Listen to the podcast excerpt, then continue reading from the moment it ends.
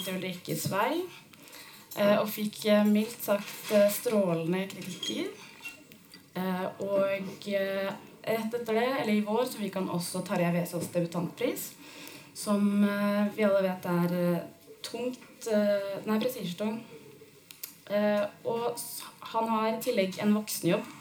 Så han jobber på, eh, i kommunen som spesialrådgiver i byrådsavdelingen for oppvekst og kunnskap. Så det er kanskje derfor han ville snakke om oppvekst og miljøløft. Men vi skal ikke snakke om miljøløft i dag, for det vet jeg ingenting om. Um, ja, uh, da sier vi bare velkommen til Seshan. Takk. Klapp.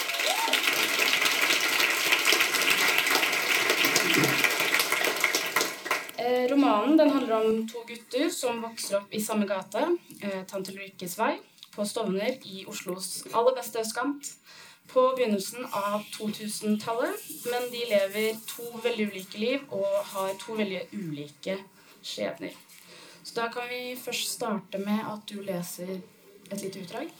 Um, ja, altså jeg kan to, som du sa, da, er to veldig forskjellige gutter, så jeg tenkte jeg skulle lese litt fra hver av de. Og de har veldig sånn ulik måte å uttrykke seg selv på. Eh, så jeg tenkte jeg skulle lese litt fra starten. Det er bare sånn hva de liksom tenker om det stedet de bor, da. Og de tenker litt forskjellig om det. Så jeg skal lese fra han som heter Mohammed først. Som er liksom Han er eh, sånn skoleflink, litt sånn strebete fyr. Um, og litt sånn engstelig og negativ. Jeg er født i Oslo, bodd på Stovner hele livet. Jeg kjenner ikke det landet foreldrene mine kom fra. Ikke det hele tatt. Jeg kjenner Stovner. Gutter i hettegensere foran store blokker. Damer med hijab og barnevogn. Gamle nordmenn som røyker og spiller bingo. Det er Stovner. Blokkstovner, ikke husstovner. Det er forskjell. Husstovner er det stedet du går på epleslang. Blokkstovner er det stedet som gjør at Stovner er mørkerødt på Aftenpostens kart over bydelen i Oslo. Høy tetthet av innvandrere, høy andel skoledropouts, høy andel kassamedarbeidere, hjelpepleiere, vaskepersonale og trygdemottakere. Han som beundrer oss, bruker dop, er ustabil og pitbull. Den skal snuse på meg hver gang han ser meg, og jeg hater hunder. Den gamle Svendsen i tredje, han som åpner døra og kjefter fordi det lukter mat, og trappa ikke er vaska når de skal. Og når barna bråker der, roper han ut i oppgangen 'ti still, for helvete'. Han skal stemme på Carl.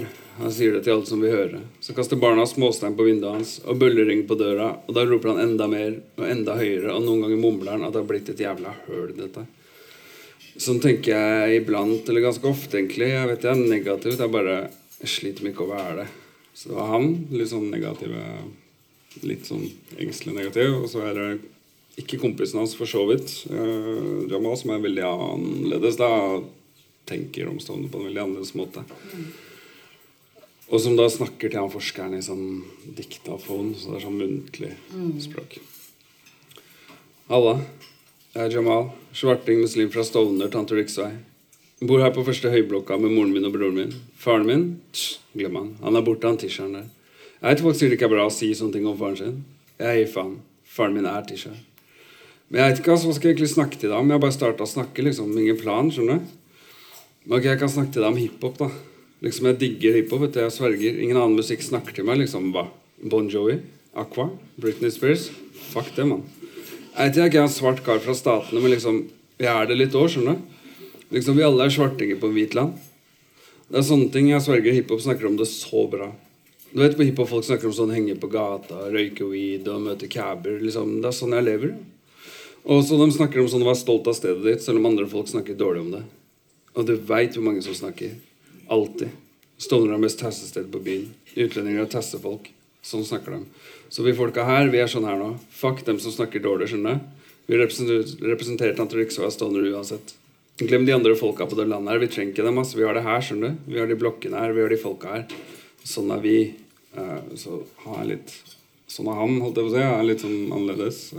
Mm, Litt annerledes. Bitte litt. Ja.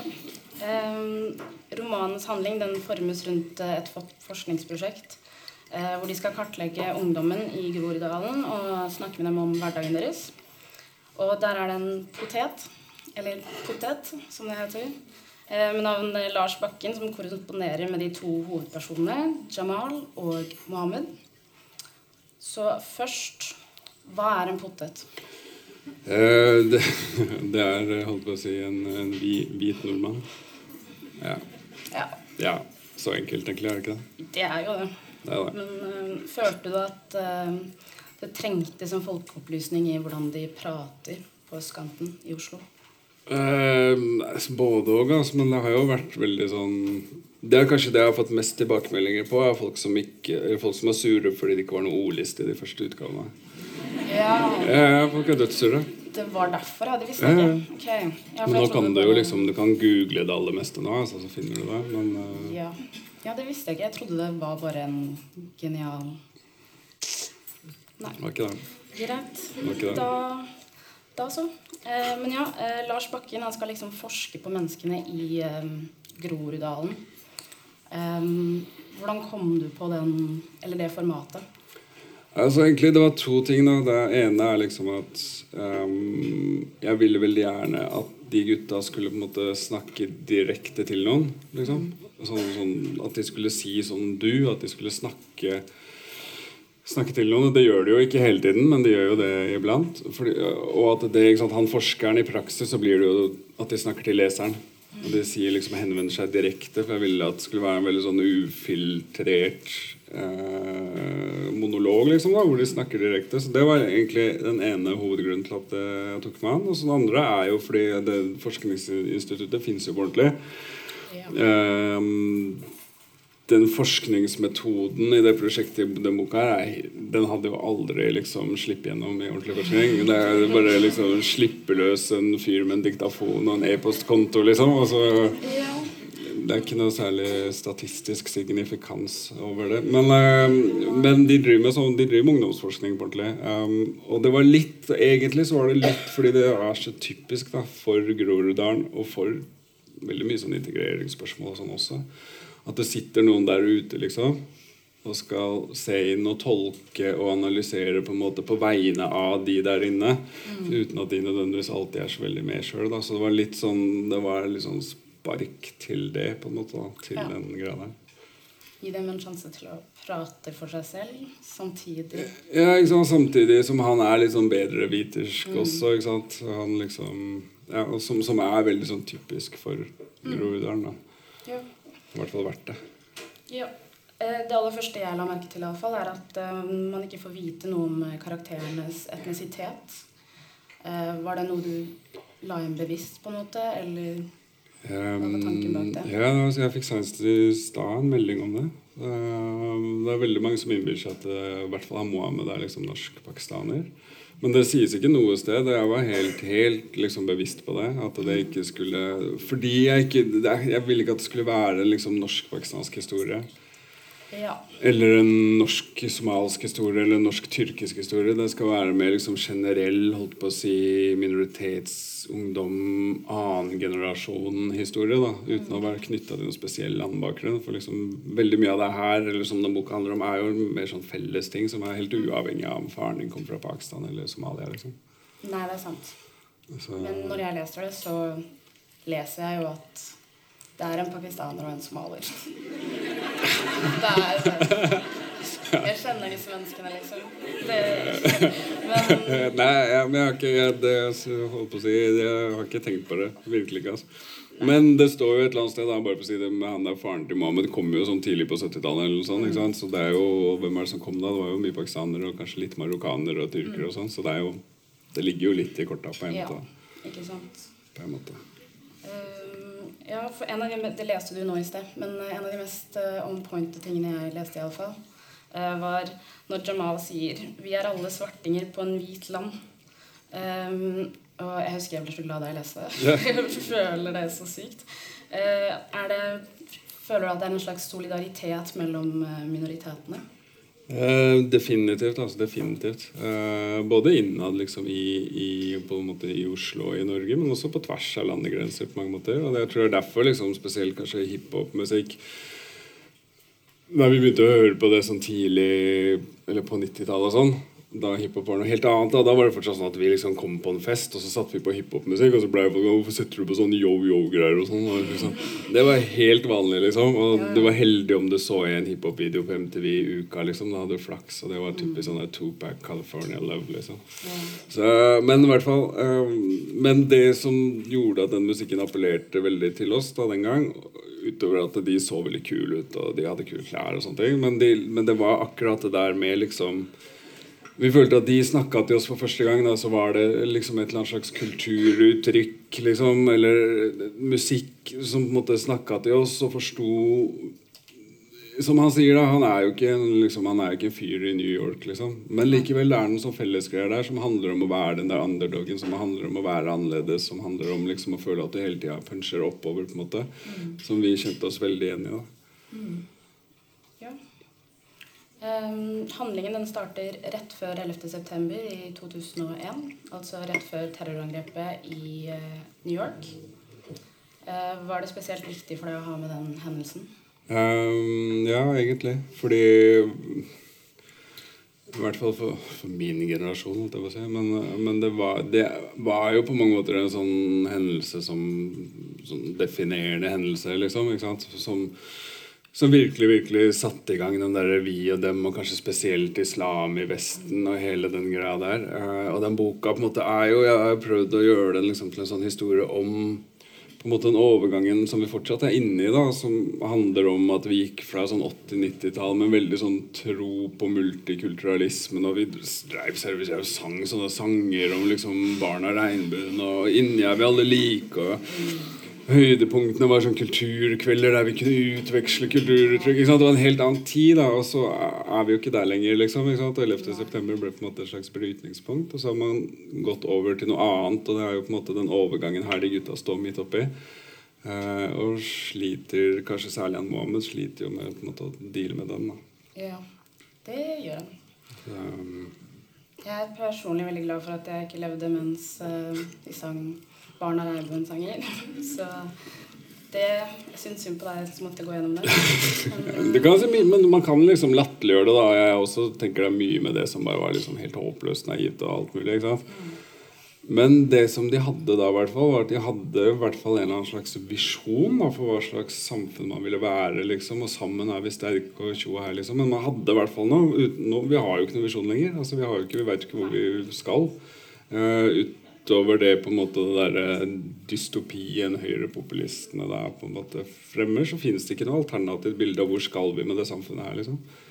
Og det savner jeg litt, merker jeg. ja. Du sier noe der. Uh, ja, uh, litteratur kan jo ikke unngå å bli politisk, uh, men gikk du inn i eh, skriveprosessen med tanker om at eh, boka skulle være politisk? Nei, nei, egentlig ikke. Jeg tror det hadde blitt en dårlig bok. egentlig. Det er, men det er jo ikke sant, mange av de temaene som den tar opp direkte indirekte, er jo ting jeg har masse meninger om. Så liksom noe av det vanskeligste er på en måte å gjøre det og skrive om det uten at jeg skal sitte der og fortelle folk hva som er riktig og gærent, eller hva jeg syns de bør mene liksom om, om alle mulige ting. Sånn at, men, men det er jo en politisk bok i den forstand at den tar opp temaer som er i den politiske debatten. liksom. Og, og at den politiske debatten i seg sjøl er en helt liksom, avgjørende del av boka. Veldig veldig mye av boka handler om den der offentlige samtalen, eller hva du vil kalle det. da. Eh, Og hvordan den ser ut for en som sitter i målgruppa foran en TV inne i en leilighet på Stovner, liksom.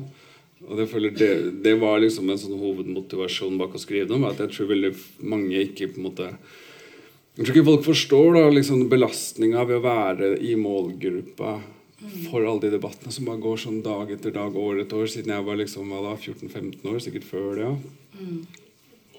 Og på en måte å liksom føle at du ikke kan slippe unna det. Det er en sånn klaustrofobisk følelse. Du kommer liksom ikke unna det. Og, og, og som han må med det i boka da, preges veldig av. liksom. Men det var noe med å prøve å liksom forklare den følelsen. da. Um, for de som liksom, Fordi han, er i målgruppa. Han kan ikke bare logge av det, liksom, sånn som hun dama han etter hvert får. og sånn. Hun sånn, sånn, har en sånn holdning som Det er ikke noe galt med den. Og det er veldig sånn Nei, men ikke bry deg om det, og herregud, ikke hør på det, liksom. Men liksom, det privilegiet har ikke han. Skjønner du? Det er hele greia. Han har ikke liksom priv privilegiet til å logge av på samme måte. Da, for det handler om han på en helt annen måte. Det handler om folk som heter det samme som han, som ligner på han, som bor i blokka hans. på en måte. Han har liksom ikke det privilegiet til bare å sånn Ja, ja, men å, herregud, Le Pen, liksom. Hvem bryr seg? Og det er Ja. Ja, for det der eh, han blir sammen med en uh, jente som heter Maria. Eh, når han Mo begynner på Blindern. Eh, og det er først veldig hyggelig, men så oppstår det store grisninger. Eh, annet eh, pga. akkurat det du sa nå, om at hun brydde seg veldig mye f.eks.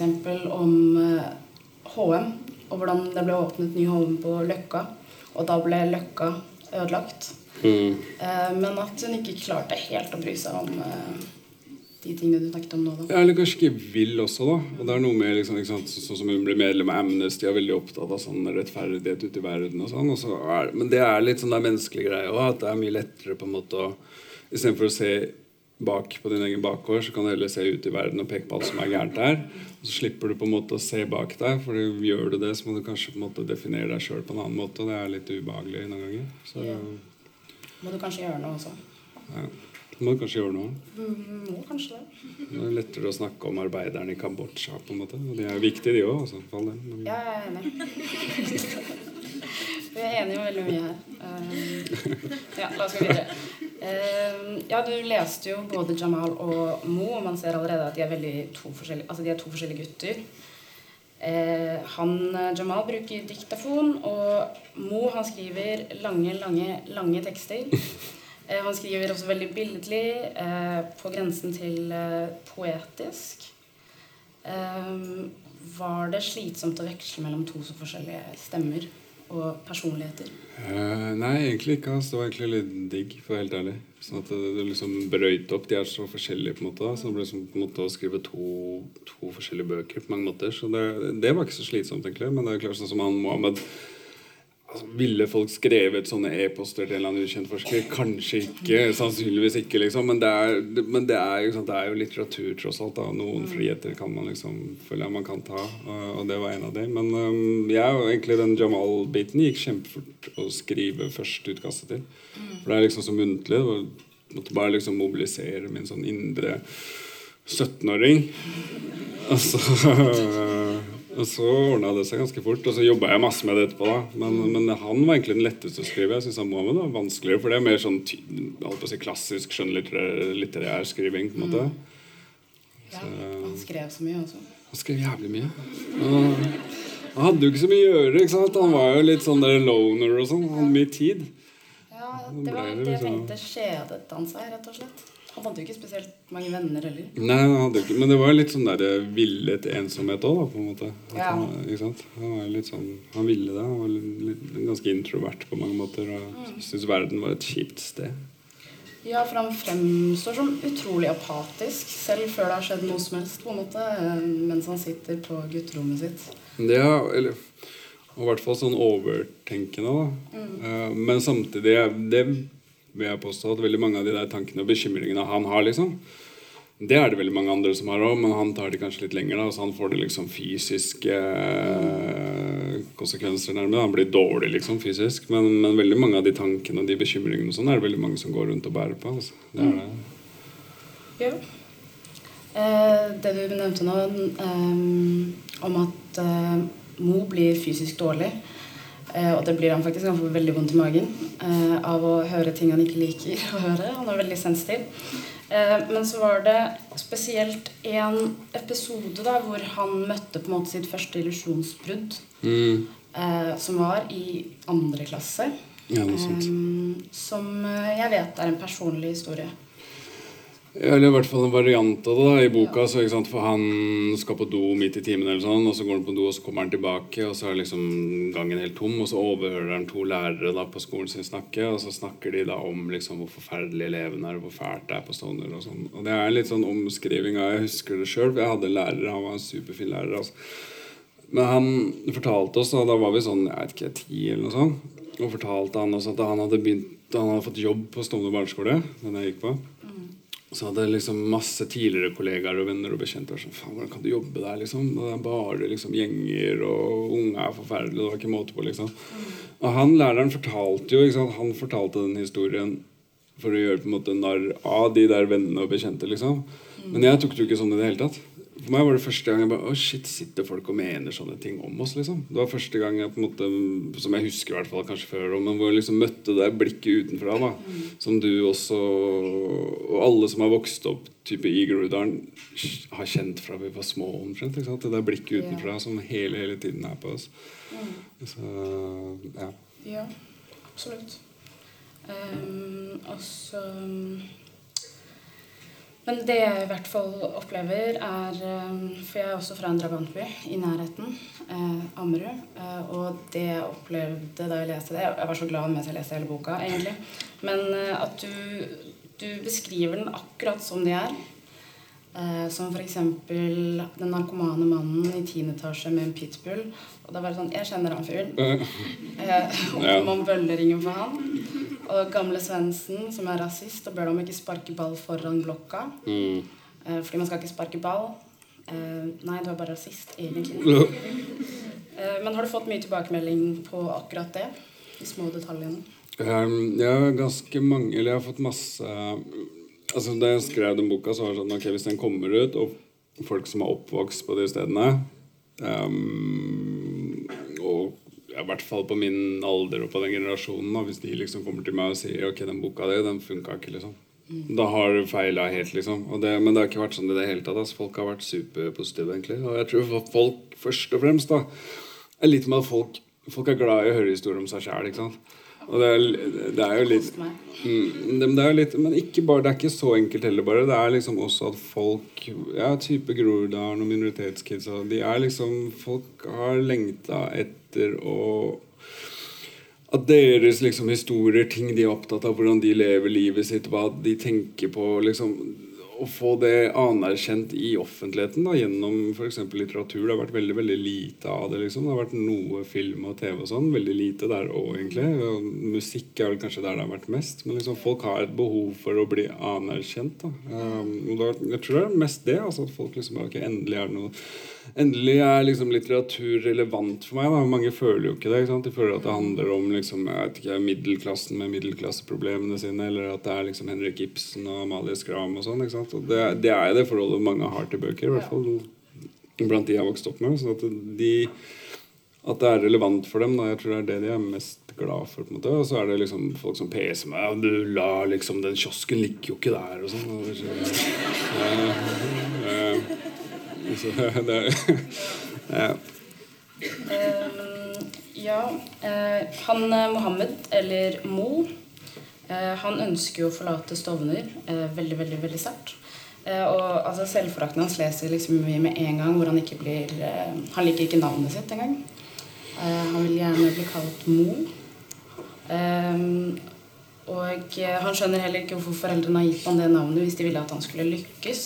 Mm. Ehm, jeg tror er veld, man er veldig kjent med um, at folk ikke får jobb pga. navnet sitt. Men jeg tror ikke det har blitt snakket så mye om hvordan det får folk til å føle seg.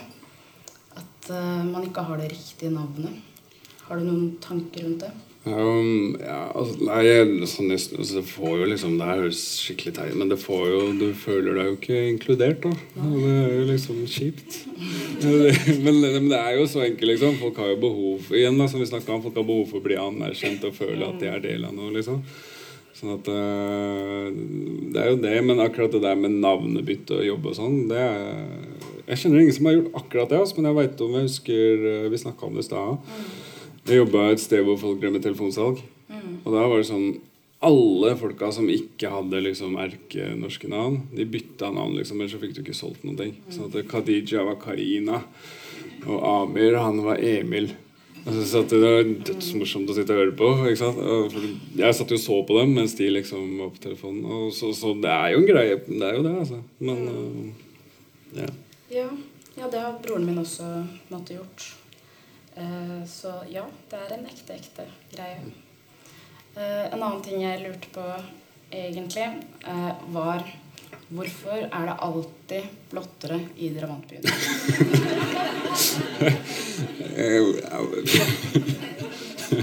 Altså, vi fikk meldinger med hjem om at nå er mannen med den røde bilen ute og går. Ja, Det som var den store frykten da vi var små, var kidnapping. Det var den store greia, liksom. Og det var en sånn grønn varebil som vi bare Altså, bare vi så en grønn bil, så løp vi alltid kunne og sånn. Men jeg tror blotterne veit jeg ikke. Altså, jeg tror det er fordi skauen er så nærme, så det er sånn lett å komme seg unna. Jeg tar fall. Men uh, det er sikkert sånn overrepresentasjon av blotter i Groruddalen. Jeg tror det. Vet du. Ja. Det var bare litt tullete, men det er sant. Jeg kjenner mange blottere. Du kjenner dem? Nei, ikke personlig. Ok, ok. ok, ok. Sånn, ja, da ble jeg litt sånn ja, Men eh, mor ja. Eh, han forteller om hvordan han bærer foreldrenes drømmer på ryggen. Eh, fordi faren hans ble syk. Mm. han, han hadde veldig mange drømmer da han kom til Norge. Eh, mens Jamal faktisk bærer moren sin på ryggen fordi hun nå er psykisk syk. Mm. Eh, vil du si litt om det? Nei, altså det er sånn Det, det er ikke sånn som sies veldig mye om, men han faren til han Mohammed Det ligger jo en sånn der litt sånn trist innvandringshistorie der, på en måte. Ikke sant? Han kom til Europa og skulle jobbe, og så ble han syk ganske tidlig og uføretrygda. Alle liksom Alle vi som har slektninger spredd rundt i verden, da, veit jo liksom hvor helt sånne der surrealistiske forestillinger de har om hvordan det er å leve i Europa. liksom helt, altså er, De tror vi bor liksom i sånne villaer som på MTV og sånn. og det er liksom Godt hjulpet da at de, i hvert fall det norsk-pakistanske miljøet, er veldig glad i å vise seg fram. sånn at når de kommer ned til Pakistan, så ja. Men i hvert fall sånn at øh, Jeg tror folk undervurderer da den der liksom psykiske belastninga av presset som var på den der første generasjonen. På liksom å skulle lykkes, og du skal sende penger hjem og liksom og, og bli noe, da. Han gjør jo ikke det, ikke sant, han faren. Um, og skammer seg helt åpenbart for det. Og liksom han Mohammed spør om han kan ta en deltidsjobb. Nei, hva trenger du penger? Jeg har nok av penger, liksom. Han har jo ikke det. Men det er en sånn skamgreie for han da, som gjør at han, som mange foreldre for så vidt gjør, da, lever ambisjonene sine gjennom barna i stor grad, liksom. Um, mens han Jamal er mer Han er jo ja, han er en alenemor som er syk. Eh, som egentlig var Hele greia altså, De er veldig like på en måte. De bor i samme blokk i hver sin oppgang. Da, i samme blokk. Begge har liksom en økonomisk liksom, vanskelig stilt situasjon. Men samtidig er det veldig ulike hjemmeforhold. Ikke sant? Mohammed har jo en veldig sånn back, oppbackende familie. liksom men sånn Jamal har jo ikke det i det hele tatt. Og det er sånn forsøk på å vise liksom, hjemmeforhold og sånne ting. Hvor mye det har å si da, for hvordan det går med deg. Og det veit man jo fra forskning og sånn. Det er ekstremt mye å si. Altså. Det er liksom for hvilken veier du velger, og hvilke ambisjoner du har, og hvordan du tenker om dine egne muligheter og sånn. Og det er liksom forsøk på å gjøre det i romanform, da, alle de forskningsrapportene som, som viser de tinga der. Ja, for det viser jo også at det er på en måte ulike levekårs, uh, levekår blant uh, minoritetene også. Ja, veldig. At det ikke bare er eh, minoritetene og den hvite majoriteten. Nei, absolutt ikke. Mm, ja, og de begge to guttene, det de har til felles, i alle fall, det er veldig mye de ikke har til felles. Eh, men de har en sterk følelse av utenforskap. Eh, og de klamrer på en måte begge to til noe. da. Eh, Mo begynner på Blindern, og han vil forandre seg helt fullstendig, mens Jamal gjør det motsatte og på en måte har en ekstrem ride or die-holdning til Mm. tuller ikke i Svei. hva tror du det gjør med barn å vokse opp slik? Nei, altså, som vi snakka om, liksom det presset utenfra, da, kall det det, liksom, eller hva vi kaller det. Alt det liksom, det blikket som hele tida er på deg, all den negative oppmerksomheten og sånn, det gjør jo Folk reagerer veldig forskjellig på det, ikke sant? og de to reagerer veldig forskjellig på det. Og begge, begge er veldig forståelige, egentlig, og veldig naturlige måter. Det er liksom sånn psykologi en sånn fight or flight-mekanisme, liksom. Og han må med det definitivt en flight, ikke sant. Han, altså, han hater jo ikke Stoner. Egentlig, Han hater ikke nødvendigvis navnet sitt heller. Han bare hater alt det som forbindes med det. på en måte Og, og alt det ubehaget det på en måte vekker. da Og så har han en sånn tanke om at bare han liksom kommer seg fysisk bort fra Stoner, så kan han på en måte legge det bak seg og begynne med blanke ark og sånn. Og så veit jo alle holdt jeg på å si, at så enkelt så funker jo ikke verden, liksom. Du kan ikke flykte fra bakgrunnen din, og i hvert fall ikke så lett som han tror. da Og det er jo på mange måter hans historie, at han kan flykte så mye han vil, og han gjør jo på mange måter det, uh, uten at han på en måte klarer å kvitte seg med det likevel. Ja. Mens han, Jamal er helt motsatt tilnærming. Han er liksom, for han har alt det der negative greiene utenfor deg og er mer sånn, sånn bensin på et bål. ikke sant? Og han tar det veldig til seg. Og på mange måter gjør det til sitt. da. Eller han liksom jo mer liksom negativt som kommer utenfra, jo mer stolthet skal han vise, liksom. Som henger ja, sammen med en sånn Vi snakka om hiphop-musikk i stad. I hvert fall på sånn type tidlig 90-tall sånn. Veldig mye av den hiphopmusikken handla om sånn empowerment, liksom. Om på en måte å ta eierskap til sin egen historie. Og? Sånn som han sa i stad da jeg leste sånn vi har i hvert fall de blokkene her og de folka her. liksom. Det er en slags sånn stolthet da, for folk som ikke har så mye annet å være stolt av. på mange måter. Da tar du det du Det her har jeg i hvert fall. liksom. Og så blåser du opp det skikkelig, og noen ganger så blir det nesten sånn absurd. ikke sant? Fordi han, han blir sur når de kommer og maler blokka hans. Fordi da er han ikke så getto lenger, liksom. Ja, men ikke sant? Og getto er jo greia vår. skjønner du? Det er det jeg har, liksom. Kommer du og tar det? Ikke sant? Du skjønner hva jeg mener? Han har liksom veldig behov for på en måte å vise den annerledesheten. Mm. Og dyrke den, på en måte. Ja. Um, apropos maling, så er det jo mye av uh, boka så blir det snakket om det store som skal skje i uh, mm. bydel Stovner. Eh, og så går det jo også til slutt så finner man ut at det er en svær lampe. Verdens største lampe som kommer på Haugenstua. Eh, ja, altså Jeg syns det var veldig morsomt eh, det faren han sa om at hvorfor kommer det en lampe? Det har masse lyktestolper i gatene. Det trenger vi ikke. Men eh, jeg føler at det på en måte har eh, Det sier litt om hvordan eh, det er veldig mye folk som du sa, som sitter utenfor og skal bestemme hva som skal skje med alle disse menneskene som sitter der inne. da. Ja, ja og den lampehistorien er jo helt sann. Den tidspunkten også er litt annerledes og et par andre ting som er annerledes. Men lampa finnes jo på ordentlig, liksom.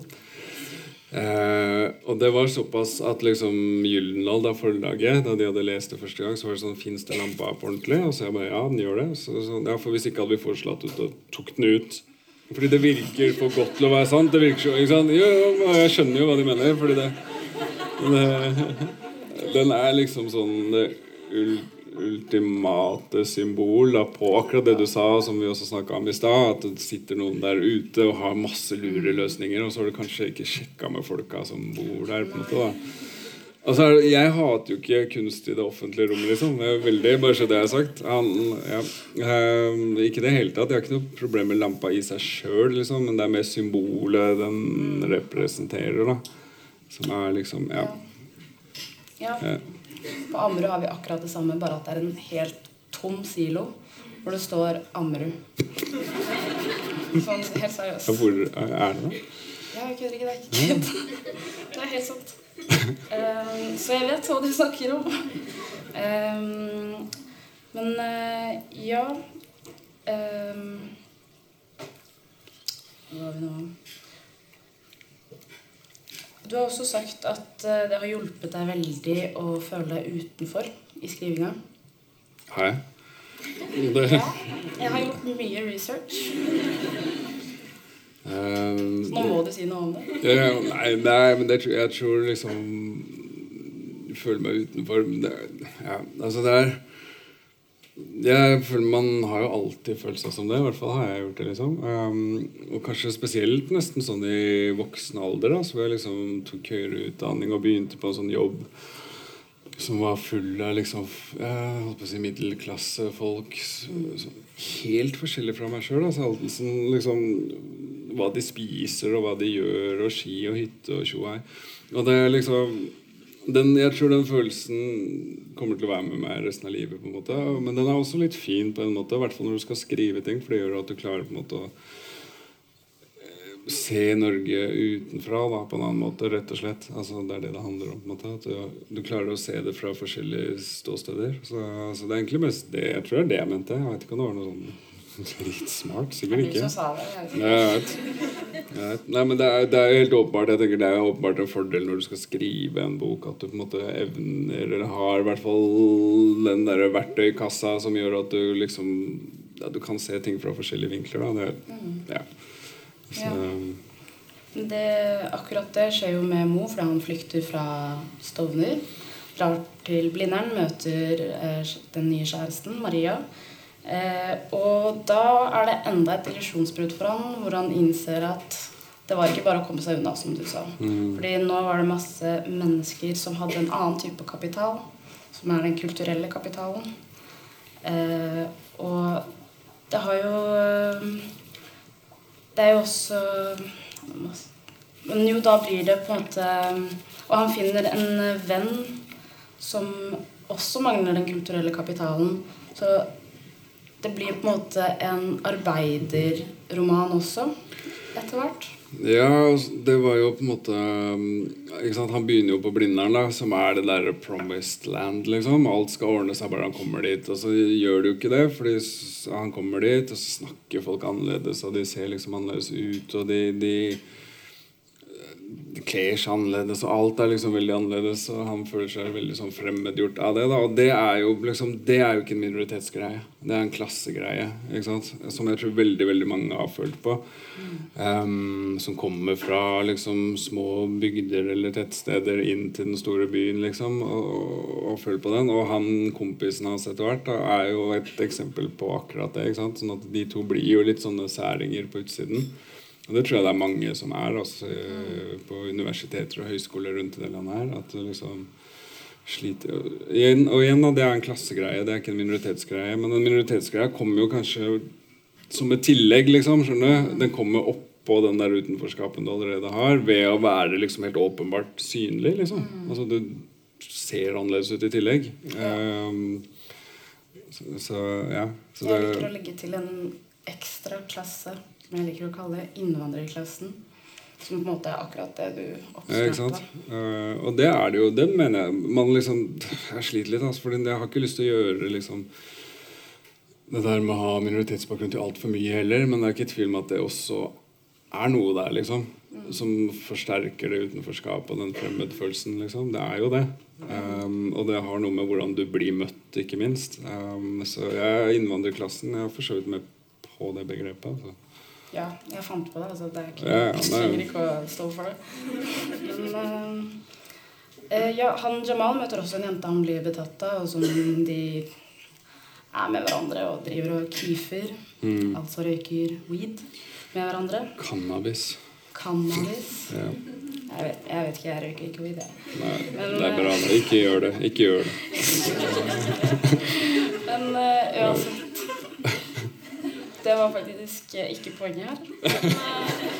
Eh, så han eh, blir ikke sammen med den jenta, men etter en stund da, så ender det opp med et møte mellom dem som egentlig ender i voldtekt. Eh, som han på en måte i etterkant også skjønner at det var, det var noe som skurra. Mm. Um, hvordan var det å skrive en sånn scene? Um, den Hva eh, tanken blir, kanskje? Nei, altså hun karakteren, bare for å ta henne først Hun har ikke en sånn kjempestor rolle i boka, egentlig. Men litt, hun er, skal jo liksom være en litt sånn En som ikke forholder seg helt til de normene og reglene som er på Stovner blant noen. da Men likevel et eksempel på hvordan de normene og reglene får betydning likevel. ikke sant? På, særlig på han Jamal sitt forhold til henne. Um, sånn at den ja, altså jeg vet ikke hvor mye jeg skal si om den scenen. Det er ikke sånn at jeg syns det er dødsgøy å skrive voldtektsscener. eller sånn, det er ikke noe, men, Og det er en sånn borderline-greie òg, som jeg tenker Ja, nei, jeg, veit da faen. Sorry. Ok. Sorry. Um, og etter hvert da så blir Altså historien til Jamal går jo ekstremt opp og ned. Eh, og til slutt så havner han uh, i eh, i eh, et muslimsk miljø. Mm. Hvor eh, han blir en Han begynner å gå mer og mer i moskeen. Eh, og eh, da blir det sånn at han til slutt blir med og skriver en kronikk. Eh, og da får han på en måte virkelig møte hvor mye Han visste jo på en måte at menneskene i Norge hatet innvandrere, men han var ikke klar over hvor mye de I hvert fall de på nettet gjør det. Ja, bare de på nettet. Ja, bare de. Bare de på nettet. det. Det, og da sier han at han blir helt lamslått, skyte i nakken. Stemmen var nesten hviskende. Hør, da. Carl sier han skal skyte oss i nakken. Eh, så det er eh, Man glemmer jo noen ganger hvor absurd noen av de nettforaene annet ikke var nettfora, men er liksom. At man har på en måte akseptert det som en slags sånn Ja, men sånn er det på en måte. Sånn må du forvente hvis du er med i offentligheten. Jeg syns det er ganske sånn premiss jeg ikke kjøper helt. altså. Um, så at det er jo, ja, sant, og Han får på en måte den blikket på det utenfra. liksom, Han har jo ikke pleid å følge med på sånne ting i det hele tatt. Så bare, Hva faen er det her, liksom? Er det sånn? Og det klarte klart det fremmede jo ekstra mye, da. Um, men han Det sa liksom livet hans går sånn opp og ned. Og det, jeg har fått liksom pes fra noen liksom fra, nei, han, Historien hans er så liksom trist, da. Og den er liksom så mørk, på en måte. Altså, min greie er sånn Den der type utenforskap han opplever som handler om liksom arbeidsløshet, rus, psykiatri i det hele tatt. Det er mange lag av den utenforskapen. Altså, det er jo ikke pent i virkeligheten heller. Liksom. Det er dritstygt. Mm. Og det er på en måte og det er på en måte sånn, og folk er sånn Ja, men det går så mye opp og Ja, men det, det er jo ikke sånn Ting funker jo ikke sånn at det liksom lykke ligger der. Og så går det en pil opp dit, og så kommer du dit til slutt. liksom. Det funker jo ikke sånn i virkeligheten. I hvert fall ikke for sånn som han. Det går sånn. Opp og ned, opp og ned. Og så hadde jeg den jobben, og så mista jeg den. Og så ble mora mi dårligere, og så gikk det litt bra. Det er jo sånn det går, dessverre. på en måte. Og veldig mange av de folka som hadde hatt aller aller mest behov for stabilitet, er de som har minst av det. på en måte. Det er de som leier boliger. Det er de som jobber i sånne kjipe, midlertidige jobber. ikke sant? Sånn at det, det blir en sånn ond spiral. da. Uh, hans liv er jo på en måte et eksempel på det. Uten å på en måte stakkarsliggjøre han, for jeg tenker han er på en måte mye mye sterkere indre styrke eller hva du vil kalle det, da, enn han der Mohammed. Og Jamal klarer jo liksom å løfte seg selv opp gang etter gang. Han er jo veldig sånn ja, han er en veldig sterk fyr på mange måter. Og så Mohammed er ganske sånn pinglete, egentlig. Sart sjel. Ja, eller i hvert fall skjør. ikke sant? Sånn at eh, Det er ikke ment som en sånn lidelseshistorie, men jeg tenker det, det er, jeg kjenner jo masse sånne folk, og det ser ikke pent ut. liksom. De gjør jo ikke det. Nei. Virkelig ikke.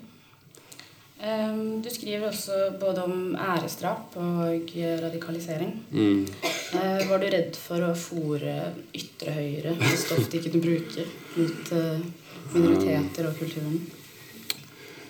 Det med radikalisering først, da. fordi et par av de kompisene, spesielt Jan Jamal, begynner jo i det man kanskje ville tenke er en sånn radikaliseringsprosess, eller i hvert fall en religiøs prosess, da, som var Veldig mange rundt meg gikk inn i sånne tidlig på 2000-tallet og utover, hvor man liksom ble veldig opptatt av religion.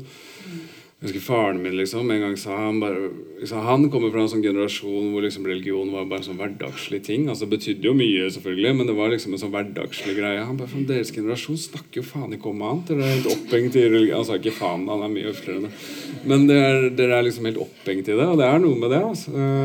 Og de kompisene hans går da inn i en sånn greie men som jeg prøver å vise, ikke nødvendigvis for de aller, aller, aller, aller, aller fleste så fører ikke det til at de drar til Syria. liksom. Mm. Det gjør jo ikke det. Det bare fører til at de spiser halal-mat. liksom. Sånn at øh, Ja, altså det var det. Men det med æresdrapet er jo Det skjer jo et æresdrap der på Stovner mm. som ikke skjedde i virkeligheten. Mm. Jeg har prøvd å, De aller fleste tinga som skjer i boka, er skjedd i virkeligheten på ulike måter. Det har ikke skjedd i virkeligheten. Og jeg tenkte ganske mye på det der, egentlig. Altså, spesielt sånn ok, Ved å gjøre det bidrar jeg egentlig bare til å forsterke liksom, stereotypier om Stovner. da, ikke sant? Og det, det, var en dame faktisk på et bokbad som spurte meg om akkurat det. liksom, Har du tenkt på det? At du med å gjøre det bare legger enda et lag på alle de der negative historiene om Stovner. på en måte. Og svaret mitt var vel litt sånn jeg ville ha det med liksom av en sånn, av en sånn kunstnerisk begrunnelse. Fordi jeg synes det, det, er interessant når sånne ting skjer, å se hvordan det påvirker et helt lokalmiljø som egentlig ikke har noe direkte liksom, connection til det, mm. men som likevel Virkningen av det treffer dem likevel. da. Så var det jeg var interessert i. på en måte. Så det var en sånn avveining, og jeg har tenkt, tenkt masse på det. Men jeg tenker liksom Nei, jeg, jeg, jeg er ikke så bekymra for det egentlig. Men det er Jeg har tenkt på det, liksom. Absolutt. Ja. Nei, men det skjer jo Altså, det skjer jo. Men ja, altså, samtidig sånn, Det som ligger i det, da, i det hun dama sa på Stovner, liksom, er sånn forventning om at jeg skal være en slags ambassadør for Stovner. Som går rundt og sprer det glade budskapet om Stovner. Jo, jo, men, og det er veldig mange på Stovner er veldig opptatt av det. Og det kan jeg skjønne på mange måter, fordi folk der er skikkelig hårsåre på alt av negative ting. ikke sant? Men det er jo en sånn helt urealistisk forventning. på en måte. Jeg kan jo ikke være det. skjønner du? Altså, jeg, En bok kan jo ikke være det. Det hadde vært en dårlig bok, på en måte. Uh, sånn at, eh, men den forventninga ligger der veldig. Altså, at du skal, nå skal du ut og liksom representere stonere og så snakke bare pent om stonere og si at det er det beste stedet i verden. liksom. Og det kan jeg ikke gjøre heller, på en måte. Selv om, jeg, ja, selv om jeg er veldig, veldig veldig glad i Stovner. Bare så jeg fikk sagt det til slutt. Veldig. Beste bydelen? Definitivt. Ja, ikke enig, men greit. Um, ja, uh, både Jamal og Mo er jo ikke spesielt religiøse, som du sa. Men uh, de radikaliseres på en måte begge to til en viss grad. Um, hva tror du det, hva tror du det kommer fra? Ehm, ja, altså For han der Jamal sin del, grunnen til at han begynner å henge i moskeen, er mer sånn Litt mer kynisk, egentlig. De gir ham penger. Uh, og så er det jo ikke opp, Han er jo ikke sånn superopptatt av religion nødvendigvis. Han vet kan ikke be ordentlig engang. Og sånn, og sånn er det dødsmange jeg kjenner. Som er sånn, liksom. Som står i moskeen på id, og så bare mumler de naboen gjør. på en måte Altså, Men man snakker jo ikke høyt om det.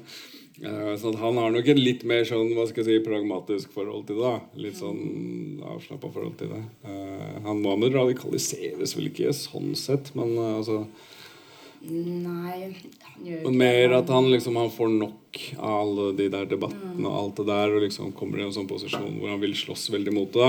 da. Og oppdager at han egentlig er for svak til det. da. Ja. Ja, og det gjør han litt deppa. Ja. Eh, ja, før vi gir oss, fordi nå har det gått lang tid, eh, så vil jeg bare spørre om du syns det er trist at vi fortsatt snakker om de samme tingene i dag som vi gjorde da du vokste opp, som er 20 år siden. Slapp av. Det er, faen meg det. Det er, det det er 20 år siden. Men uh, jeg på mange måter syns jeg det. Altså, hvert fall den der Den vi drev og holdt på med da, er den der du blir aldri norsk, liksom. Sant? Eller du er norsk når du gjør noe bra, og så har du innvandrerbakgrunn når du gjør noe dårlig. Sånn. Jeg føler Den har vi egentlig ikke kommet så veldig mye lenger med. På en måte, liksom. Eller i hvert fall altså, Jeg føler liksom fortsatt det der mm, rommet for norskhet og hva det er å være norsk, er fortsatt ganske smalt. da Og de tinga man instinktivt tenker på rundt det å være norsk, er fortsatt veldig sånn begrensa. Liksom. Og veldig mange faller utafor de boksene fortsatt. Den tenker jeg absolutt. Altså. Og ja, den liksom For meg er det sånn Det er litt sånn, sånn når folk sier fin innvandrerroman du har skrevet, liksom. Ikke sant? Så er det, sånn, det er ikke så mange som sier det, da, men liksom, noen har sagt det. Altså, jeg, liksom, jeg er ikke så glad i det begrepet, egentlig. Og mest av det. da, For meg er det her en norsk historie. Det er en Oslo-historie. Det er den norske virkeligheten jeg har vokst opp i. liksom. Det, og, og liksom gjøre det til en innvandrer som noe annet. Det er på en måte å plassere det på siden av. Men selvfølgelig det er en like stor del av norsk, en stor del av norsk virkelighet, på en måte. eh, eh, oppveksten der. sånn at eh, ja, litt frustrerende er det, altså. Det må innrømme det. Man ikke har kommet lenger. Men man, ja, det, ja. Jeg tror ikke vi noensinne kommer til å komme lenger. Nei da. Eh, det var en greie avslutning, det. Blir det tatt til Rikkesvei 2 neste år? Nei, men takk skal du ha. Takk, eh, takk selv. Takk, og takk til alle som kom. Det er dødsmye folk her. Ja. Ny rekord. Takk.